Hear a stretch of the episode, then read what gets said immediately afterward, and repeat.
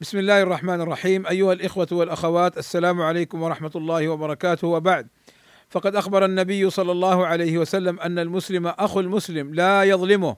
فعن عبد الله بن عمرو رضي الله عنهما أن رسول الله صلى الله عليه وسلم قال: المسلم أخو المسلم لا يظلمه ولا يسلمه. قال الحافظ ابن حجر رحمه الله تعالى قوله لا يظلمه خبر بمعنى الأمر فإن ظلم المسلم للمسلم حرام. وقوله ولا يسلمه يقال أسلم فلان فلانا إذا ألقاه إلى الهلكة ولم يحميه من عدوه وهو عام في كل من أسلم لغيره لكن غلب في الإلقاء إلى الهلكة. والمعنى لا يتركه مع من يؤذيه ولا فيما يؤذيه بل ينصره ويدفع عنه وهذا أخص من ترك الظلم. انتهى.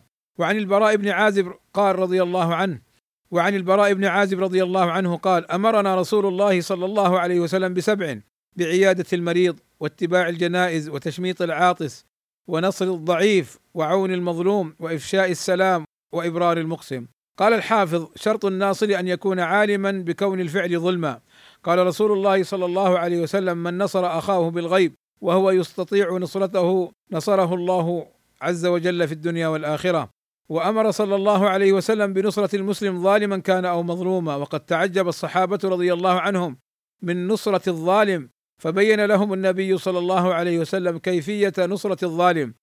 فعن أنس رضي الله عنه قال قال رسول الله صلى الله عليه وسلم انصر أخاك ظالما أو مظلوما. فقال رجل يا رسول الله أنصره إذا كان مظلوما. أفرأيت إذا كان ظالما؟ كيف أنصره؟